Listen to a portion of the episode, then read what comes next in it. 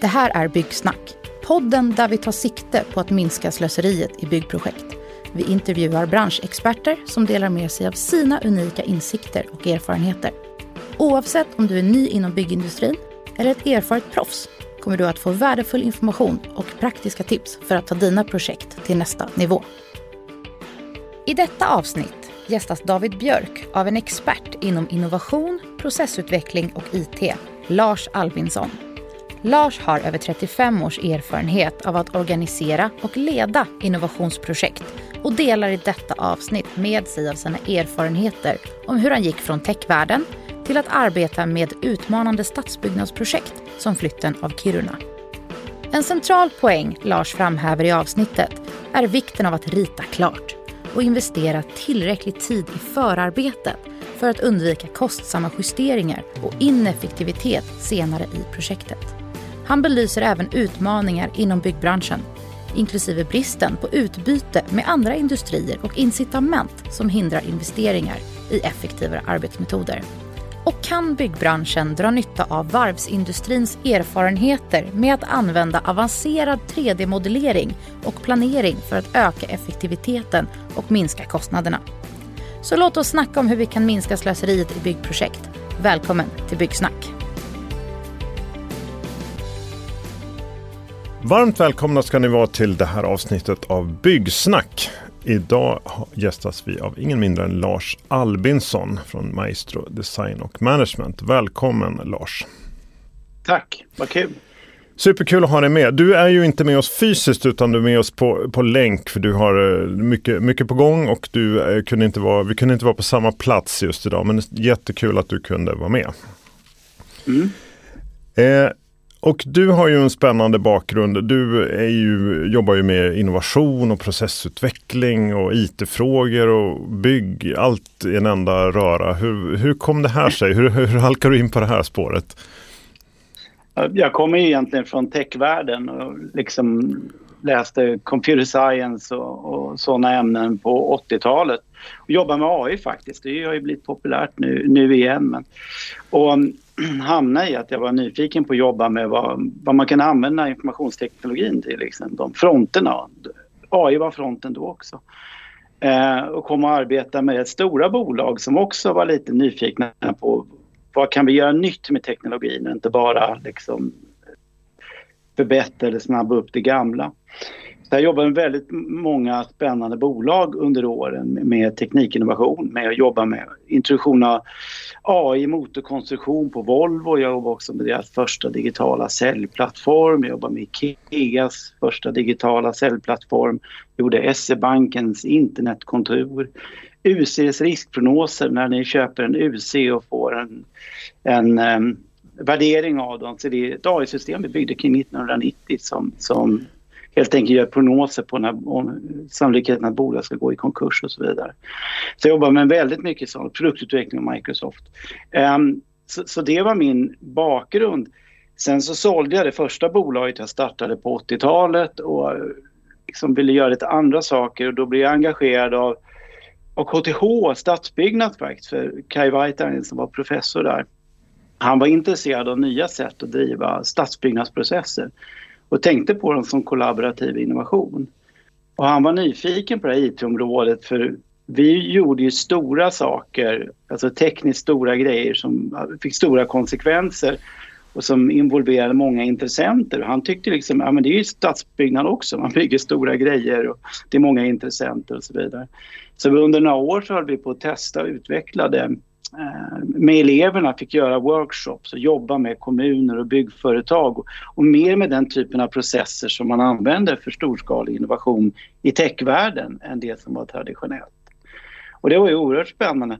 En så här long story short slutade de arbetena, vi jobbade med Slussen men det ledde sen till att jag blev engagerad av LKAB för att jobba med flytten av Malmberget och Kiruna. För där var man också så här, ja, den här stadsbyggnadsprocessen som utformades på 40-talet, den skalar inte riktigt till en hel stad. Den är van att jobba med mindre områden med begränsade funktioner. Alltså man byggde ju ABC-städer, då skulle man göra en funktion i taget och nu vill man göra moderna stadskärnor och så vidare. Så jag blev engagerad och jobbade ganska många år där uppe med dem. Mest med eh, flytten av Malmberget, den stora omdaningen av Gällivare men också flera projekt inom, inom i Kiruna då. Framförallt med LKABs egna områden. Väldigt, um, väldigt speciellt att flytta hela städer. Det är ju, där, där känns det som att man behöver veta vad man gör. Ja, alltså en, en, del av den här kunskapen som man lär sig när man jobbar i de här industrierna, det är att lita på processer. Alltså det är så stort så man kan inte hålla reda på allt och tänka ut allt och försöka liksom bara göra allt på en gång utan man måste förlita sig på arbetsform, man måste förlita sig på att man har effektiva sätt att arbeta med många kompetenser och många grupper och strukturera upp det här i någon form av flöde som fungerar. Och då är man rätt mycket på att liksom, trust the process um, är superviktigt. Um, och, och, på det sättet så kan man inom alltså informationsteknologin kan man ta sig an områden som ingen arbetat med förut. Som man förlitar sig på att man har ett bra angreppssätt. Och det blev väl min räddning när jag skulle jobba med stadsbyggnad. Att ja, men jag får förlita mig på angreppssättet och i den här nya världen. Faktiskt. Ja, jag förstår. Det, det låter som ett spännande möte mellan de här olika delarna. Men jag tror att alla branscher, om man pratar med folk i branschen så känner man sig ju speciell. Så här, men vi, vi, är annorlunda. Just i den här branschen så går det inte att göra på det här sättet för vi är annorlunda och speciella. Men eh, eh, hur är det då, du som har liksom glidit in på, mot byggsidan och stadsbyggnad på det här sättet. Är bygg annorlunda? Det är några saker som alla tycker att de är annorlunda som du säger just den här industrin och, och så vidare. Det är återkommande eh, liksom argument för varför olika saker in, man inte kan pröva nya saker. Men det kanske är mer ett personlighetsdrag hos vissa individer.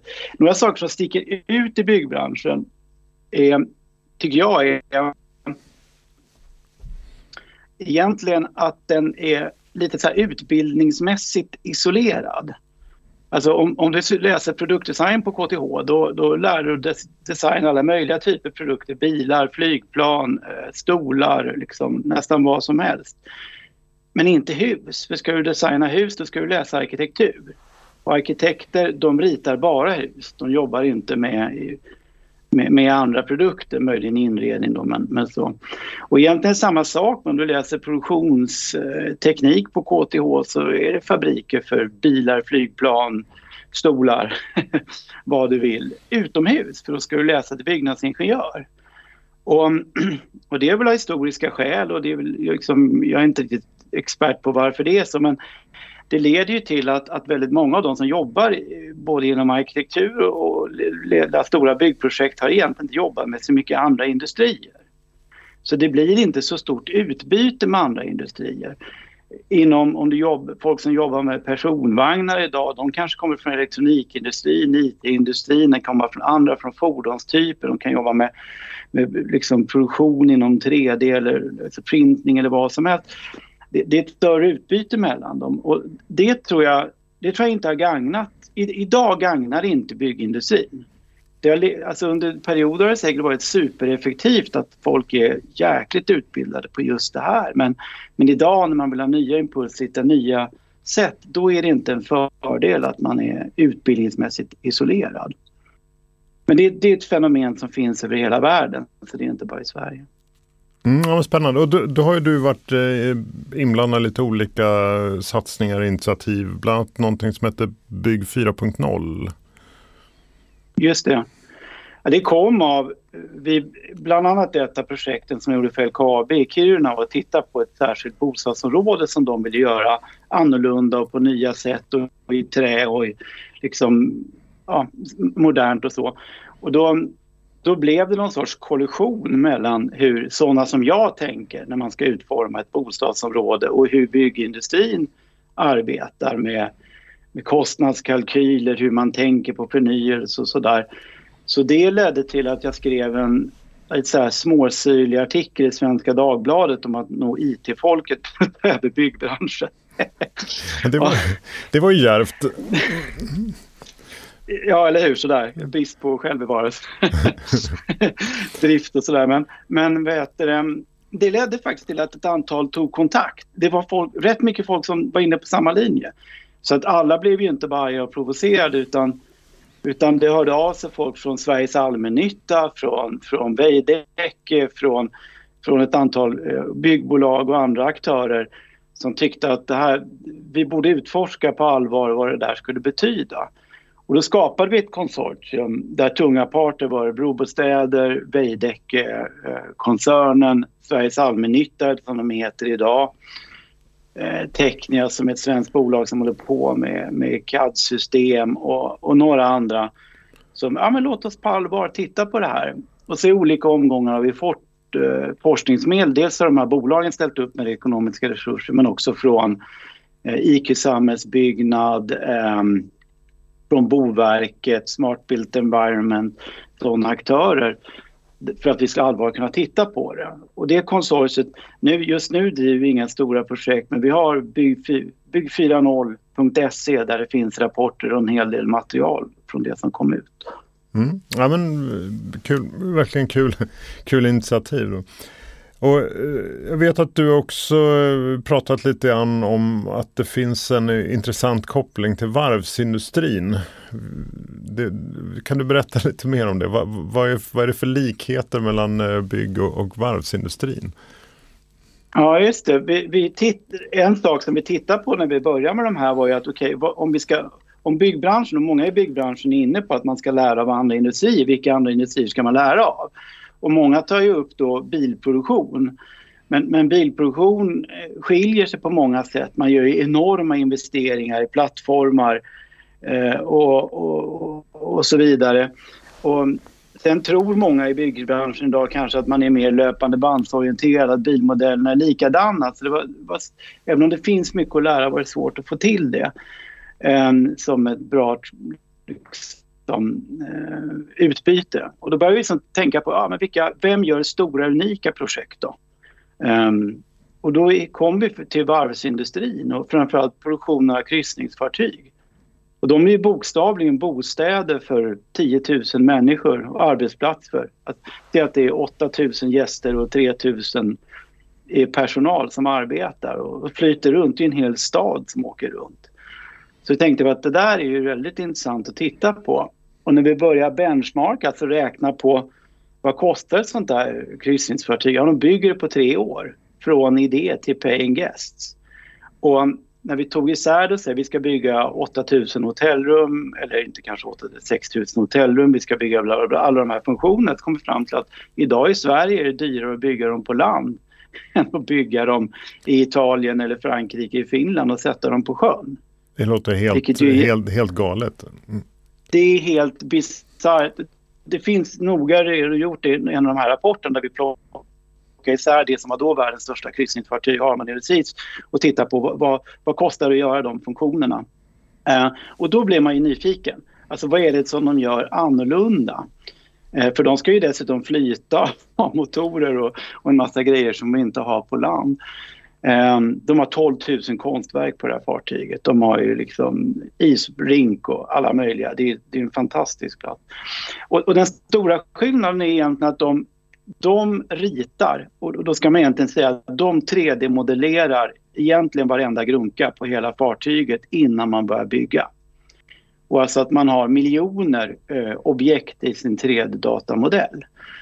Och bakgrunden till det är väldigt enkel. Man måste veta vad saker väger, var de sitter i fartyget för att kunna räkna på vikt och balans. Alltså, man kan inte bara sätta motorerna eller en hockeyrink var som helst för då sjunker fartyget. Man måste veta alltså, att de har en lång tradition att 3D-modellera objekt och veta vad de väger och, och, hur det sitter ihop. Så det har man hållit på med sedan kanske 80-talet i datamodeller av vikt och balansskäl. Och nu har man då utvecklat det så att de använder andra CAD-system än byggbranschen. Där man just alla jobbar i en gemensam 3D-modell som är mycket mer detaljerad än vad den man traditionellt använder i byggindustrin.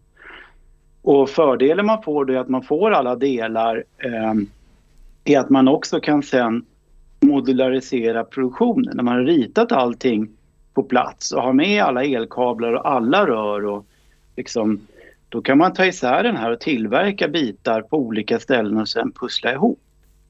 Så vid sidan om att få ett annat sätt att projektera så kan man sen då producera på helt andra sätt. Um, Ett bra exempel som vi har tagit till oss och tittat på är att om du ritar ett bostadshus på åtta våningar idag ska du typiskt ha ett värme och ventilationsrum på taket. Och idag är det typiskt att man, ja men det bygger man på plats. Man sätter upp byggnadsställningar och hissar och så kör man upp material och så bygger man de här grejerna. Men om vi hade ritat i detalj klart och bara hade gränssnitten, här ska rör och el upp och ner och det får vara så här stort enligt bygglovet. Då skulle vi kunna tillverka den där färdig i en verkstad och bara lyfta den på plats. Men i få, jag har inte sett det i något byggprojekt för man ritar inte det i tillräcklig detalj innan byggstart för att man ska klara att göra det. Men att det är det som är grunden för hur, byggindustrin arbetar, eller fartygsindustrin arbetar. Rita klart, modellera, planera produktionen och sen kan man vara hypereffektiv. Ja, det är fascinerande. Då är det kanske att begränsningen här ger en fördel eh, på sikt kan man säga då eftersom man var tvungen att, att göra det här och då, då gör det att man blir bättre helt enkelt. Kan det vara så? Ja. Ja, det tror jag absolut. Alltså byggindustrin har haft fördelen då att bygga på mark. Eh, man har ofta stor kontroll över platserna. Det är skillnad om man bor bygger in i en stad men det mesta vi bygger i någon sorts förorter och du har mycket utrymme, du har mycket logistik liksom. Du kan, du har rätt stora frihetsgrader i liksom att använda ytor och transporter och, och grejer och det har man inte. På ett fartyg måste allting vara liksom färdigritat och varven är väldigt tajta och liksom, det är en annan värld. Mm, ja, men spännande och, då, det, och det kopplar väl an lite grann kanske till att man tänker efter före eller att man, man är förberedd och man, har, man, har, man har gjort eh, arbetet innan. Så att, annars är det väl alltid frestande att man bara sätter igång. Liksom att ja, men vi, har, vi har bråttom, nu kör mm. vi, vi löser det sen. Eller vad, vad tror du? Är det... Ja. Det tror jag. jag menar, det, det, och vi har I det här, vi har ju testat att använda sådana digitala plattformar och arbetssätt och, och samverkat då med till exempel Vera Navi som är en skeppsdesignfirma i, i Portugal och så vidare. Och de säger så här, trust the model, att man allt är 3D-modellen. liksom, i, i, det att man, man ska inte rit, lita på pappersritningar eller andra dokument utan man måste lita på den här modellen och den måste vara komplett innan man börjar. Annars funkar det ju inte. Liksom, för du kan inte veta vad det väger. Och jag tror, och det tycker jag verkar vara en slutsats som gäller byggindustrin, att man är lite för snabb med att börja bygga. Och det finns där löses på plats, LPP, att man tänker äh, det där fixar vi i efterhand och vi behöver inte modellera elsystemet för vi vet ju att det är äh, ungefär hur det kommer att bli. Men det leder till ineffektiviteter i inköp, flöden, man måste vänta på varandra. Liksom, har, det finns rätt stora studier över rörmokare och andra hur de är i, i bostadshus idag. Det är en väldig massa väntan, hämta material, oj någon måste göra klart något och så vidare. Så man blir för snabbt igång och då blir man ineffektiv för man har ingen ordentlig ordning på exakt vem som ska göra vad. Lägger man den extra tiden i en, i en sån här projektering som vi pratar om, ja du kommer att projektera mer men du har igen det så mycket. Just det. Det är liksom produktionen. Jag hörde någon eh, erfaren person som sa det att eh, men, eh, jag kan se direkt om, det, om projektet kommer misslyckas eh, om, beroende på hur mycket, mycket budget man har satt av för förstudien, alltså förarbetet. Ja, just det. Så att är, det, ja. är det mindre än en viss procent, nu kommer jag inte ihåg procentsatsen, är det ja, mindre än en viss procent då är det kört från början. För det, ja. det är alldeles för lite tid som är lagd på på förarbetet utan då har man bara kört igång och hoppas att det ska ja. lösa sig. Det är säkert så. Jag vet inte, jag, jag har inga exakta siffror på det men det, kan man, man det, är, det, är, helt trovärdigt. Och jag menar inom, om du frågar om folk produktion brett, inte, inte bygg specifikt då, då, då konstaterar man ju att, att ändra tidigt eh, är en tusendel av kostnaden eh, jämfört med att ändra när man väl har börjat producera. Mm. Menar, vad kostar det liksom att flytta ett skåp två centimeter så att det linar med dörren ordentligt och elledningar kommer in på ditt ställe. Det tar några sekunder att flytta elskåpet när du väl har börjat gjuta grejer och alltså det, timmarna bara rasar iväg. Så att det är säkert minst tusen gånger i att ändra saker i ett bygge mot att, att liksom ändra dem på, på ritningsstadiet. Mm. Ja, men det, och, och då, då, kanske det är ett råd till lyssnarna här att uh, tänka efter före eller vara var lite, lite mer noggrann i förarbetet och se till att få med mer av det som ska göras så man inte bara improviserar på platsen. Ja, vi hade någon stor, drog, presenterade på en stor SABO-konferens eller allmännyttans konferens. Då var stridsropet vi körde var rita klart för helvete.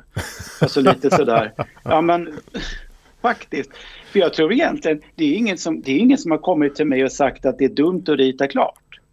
Det är ingen som har sagt att det här är fel, man ska lösa det på plats. Alla säger att lösa på plats, som jag har träffat i hela industrin, är dumt, dyrt och dåligt. De tre delarna för ja. projekt. Liksom.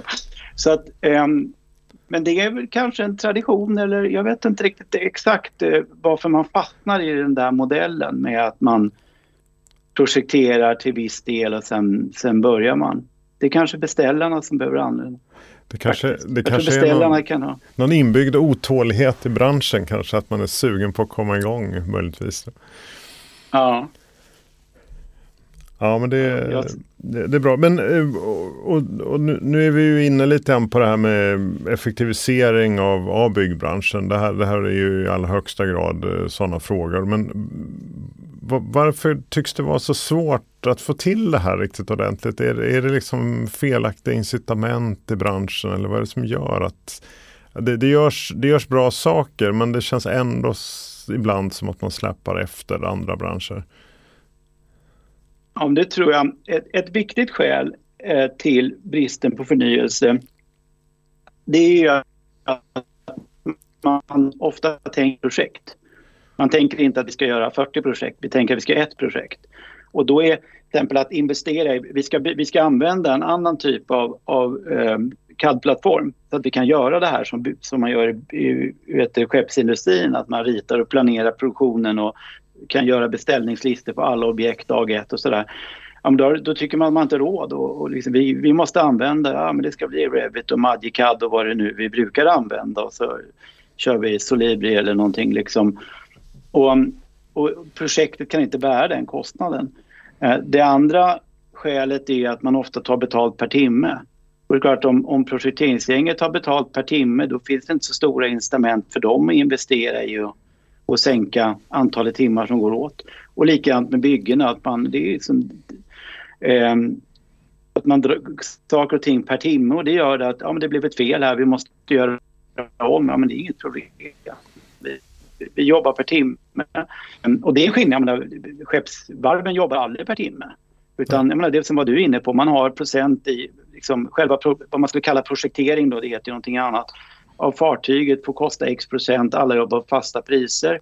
Eh, men man har klara Eh, man har fyra steg av godkännanden i detaljsaker så man kan inte fubba med, med, med grejerna utan man måste certifieras efterhand. Och då är det ingen som har tid att hålla på och trassla eller man måste göra riktiga grejer. Så, så det här med att, tänka, att tänka i projekt och att tänka per timme det blir de stora hindren. Eh, och då kan man ju... Jag kan ju tycka att menar, till exempel i Frankrike så driver man miljöfrågor idag genom att alla offentligt finansierade byggnader antingen måste ha solpaneler eller typ grästak. De får inte bara ha platta passiva tak. Vi skulle kunna säga att inga offentligt finansierade byggnader får starta utan att du har en komplett 3D eller helst 4-5D modellering klar. Mm. Bättre kravställning helt enkelt. Ja från, från beställarnas sida egentligen. Ja, men jättebra. Ja, det finns så mycket spännande bitar i det här. Men då, när man då eh, lyssnar på det här och man, man jobbar kanske som projektledare eller någonting annat. Vad, har du några råd? Vad, man, vad borde man tänka på för att bli, bli bättre och mer effektiv och mer ny, nyskapande här som byggprojektledare till exempel? Ja, det, egentligen är det nog det här att, att rita klart mer som vi är inne på, liksom att den enskilda byggprojektledaren kanske inte kan introducera en helt ny digital plattform. Men att projektera mer noggrant. Jag, menar, jag har suttit med i projekteringar, ja, vi ska rita ett åttavåningshus. Då ritar man två våningar komplett, men man ritar inte kablar. Och, och så gör man inte särskilt noggrann projektering av det här grunkan på taket för liksom rören skär i någon trästomme, man tänker man löser det på plats. Nej, men det är fan värt det. Det, det är värt det att, att rita klart såna här saker i, i, i, så stor utsträckning som möjligt. Och det tror jag man kan göra. Det kan man göra med dagens verktyg också. Det är inte så att man måste skifta ut och använda andra CAD-system utan det är möjligt att göra det med dagen. Så det är bett, mer och mer noggrann planering. Och vi tittar på, vi jobbade med Sizes Work som, som tyvärr eh, SBB stängde ner här för ett år sedan. Vi tittar även på, vi hade ju en fabrik där för, för modulärt byggande, men vi tittar också på arbete på sajt och så ser man, vi har en entreprenör, underentreprenör som ska göra fasad och en som ska göra balkonger. Och när de har lagt ut sina tidsscheman så vill fasadfolket göra klart och sen ska balkongfolket komma in och så är det, det är fyra veckor för varje grupp. Så det är plötsligt åtta veckor. Men vänta ett tag, man borde ju kunna sätta balkongerna på fasad nummer ett när den är klar samtidigt som man bygger fasad nummer två. Och så, ja, okej, okay, men då måste man ju jobba tillsammans med de entreprenörerna för att de ska känna sig bekväma med det, med ställningstillgänglighet, kranlyft, vad det nu är. Va? Ja, men lägg de timmarna då, så skär du bort tre veckor i, i produktionen. Och det är många, många sådana här saker där ja, det kostar några möten och vi kanske måste skriva avtal lite annorlunda men, men man har igen det. Det är så himla mycket pengar i produktionen som, som man sparar in på det sättet att tänka. Mm. Ja men eh, ver verkligen. Eh, Otroligt intressant Lars och du eh, som vi sa i början men eh, vi, vi, var så ivriga apropå att tänka klart i förväg. Vi kastade oss in i materien här. Du, du, du, har ett bolag som heter Maestro Design och Management. V vad gör ni? Gör ni sådana här saker eller vad, vad, jobbar ni med? Ja det är egentligen precis det är ju att driva liksom, innovations och förändringsprojekt. Och ofta stora bolag, det måste ju inte vara det, men ofta är det stora bolag som, som ta de stora stegen. Så att jag har jobbat med liksom, ja, de jag nämnde tidigare.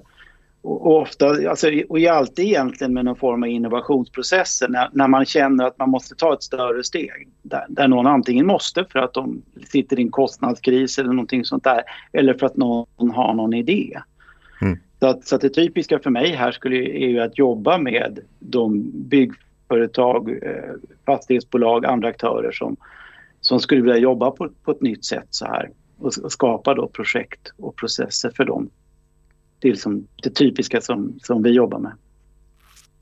Ja men jättebra. Och, då, och det tror jag får, får avrunda vårt samtal här och då säger jag att då hoppas jag verkligen att eh, dina, alla dina kommande uppdrag hamnar inom eh, bygg och fastighetssektorn här så att vi får, får se lite, lite spännande utveckling på den här sidan.